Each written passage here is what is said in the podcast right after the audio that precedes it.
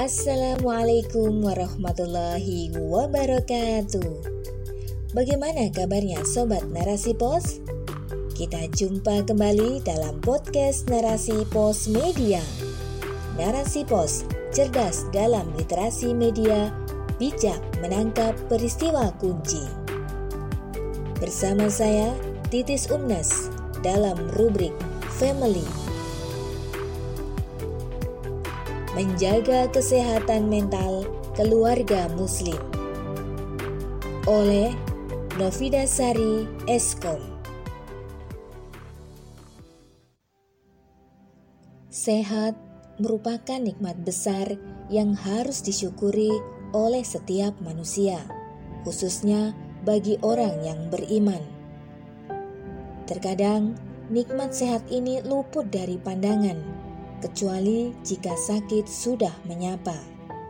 Oleh karenanya, tidak heran mengapa Rasulullah Shallallahu Alaihi Wasallam mengatakan bahwa ada dua nikmat manusia yang sering dilupakan, bahkan sering membuat manusia tertipu.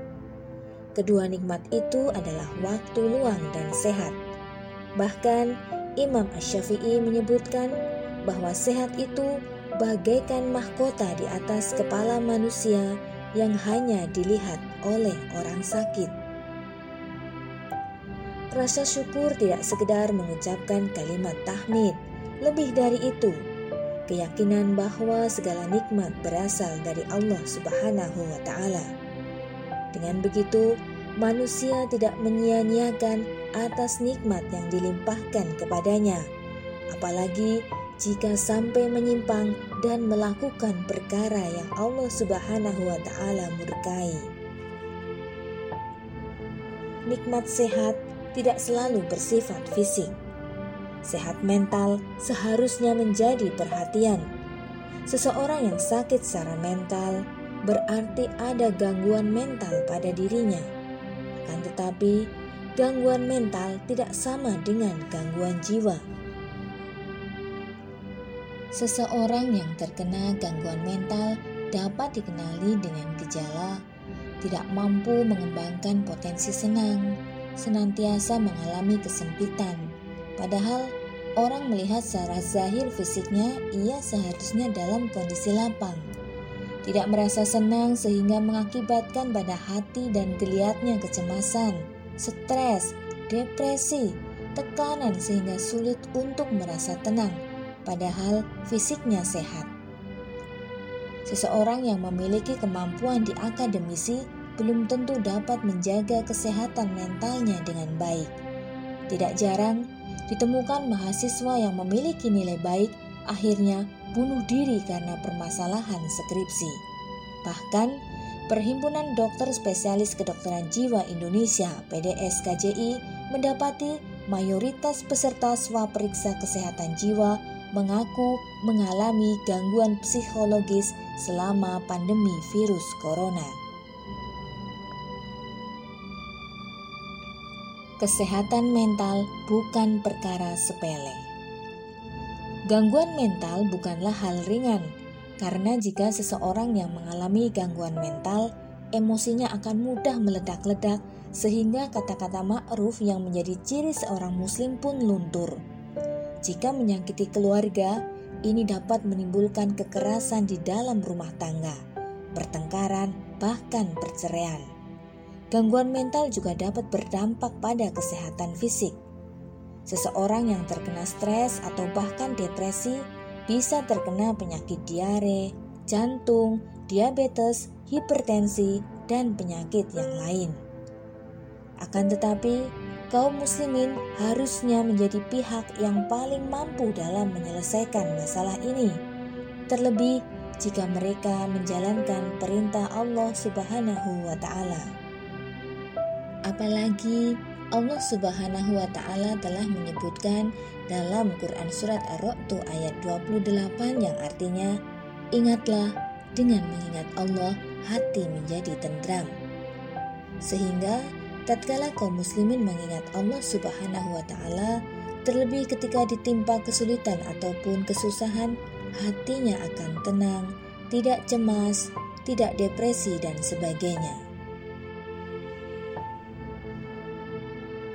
Penyebab gangguan mental.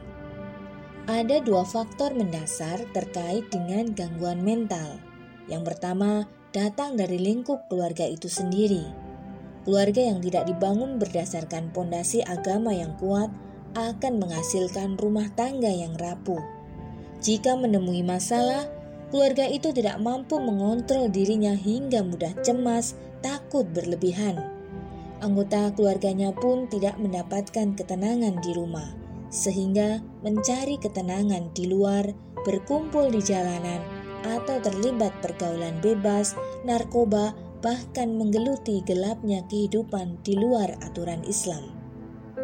Faktor kedua datang dari eksternal. Tiap anggota keluarga memiliki pemicu yang berbeda tergantung seberapa kuat keluarga tersebut bertahan. Bisa jadi hal ini karena tuntutan hidup yang tinggi apalagi di tengah pandemi. Pandemi telah menciptakan banyak anak yatim, bahkan yatim piatu sekaligus. Sementara pengurusan si anak belum mengantarkannya pada kemandirian atau suami yang tidak lagi bekerja sementara kebutuhan tetap harus dipenuhi. Bisa juga keluarga muslim itu terprovokasi akan tuntutan masyarakat yang hedonis, ingin mengikuti kemewahan dan gaya hidup yang wah tetapi tidak memiliki kesanggupan. Pada akhirnya, hak itu menyebabkan stres, depresi, juga gangguan mental lainnya. Menjaga kesehatan mental. Pada saat kesehatan mental terjaga, maka kesehatan fisik juga akan lebih terjamin. Karena itu, diperlukan beberapa langkah dalam menjaga kesehatan mental ini. Pertama, menguatkan pondasi keluarga muslim dengan meningkatkan keimanan kepada Allah Subhanahu wa taala. Pada saat musibah menyapa, sikap roja, harapan akan muncul. Seseorang tidak akan diuji kecuali berdasarkan kadar kemampuannya dan seseorang tidak akan mungkin diuji melewati kadar kemampuannya. Bahkan Allah Subhanahu wa taala menyebutkan di dalam surat Al-Insyirah bahwa bersama kesulitan ada kemudahan sebanyak dua kali. Kedua, sabar dibarengi dengan semangat berikhtiar. Sesungguhnya, sabar dapat menjaga manusia untuk tidak bersikap berlebihan, bahkan marah pada keadaan. Rasulullah Shallallahu Alaihi Wasallam pernah bersabda bahwa orang yang kuat bukanlah orang yang menang bergulat, akan tetapi Orang yang kuat adalah orang yang bisa menahan diri ketika marah. Hadis riwayat Bukhari dan Muslim. Maka, sabar ketika mendapat musibah juga termasuk di dalamnya. Ketiga, bertakorup, mendekatkan diri kepada Allah Subhanahu wa taala. Bahkan, bertakorup adalah imun yang sangat baik sehingga sudah seharusnya setiap muslim harus melakukan ini di semua situasi dan kondisi. Bahkan Rasulullah Shallallahu Alaihi Wasallam pernah bersabda, siapa yang ingin doanya terkabul pada waktu sedih dan susah, maka hendaklah ia memperbanyak berdoa pada saat lapang. Hadis riwayat Tirmizi dan Hakim. Keempat, anggota keluarga harus senantiasa kompak untuk saling mengingatkan agar selalu dekat dengan Allah Subhanahu wa taala. Hal ini karena sebenarnya penyakit mental dapat mempengaruhi orang lain. Kelima, berkumpul dan berteman dengan orang yang senantiasa menyebarkan energi positif, bisa dengan mengikuti kajian, membaca tulisan kebaikan yang mengajak kepada keimanan, dan sebagainya.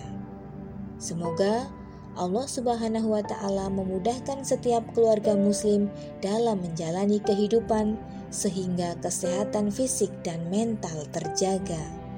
Wallahu a'lam.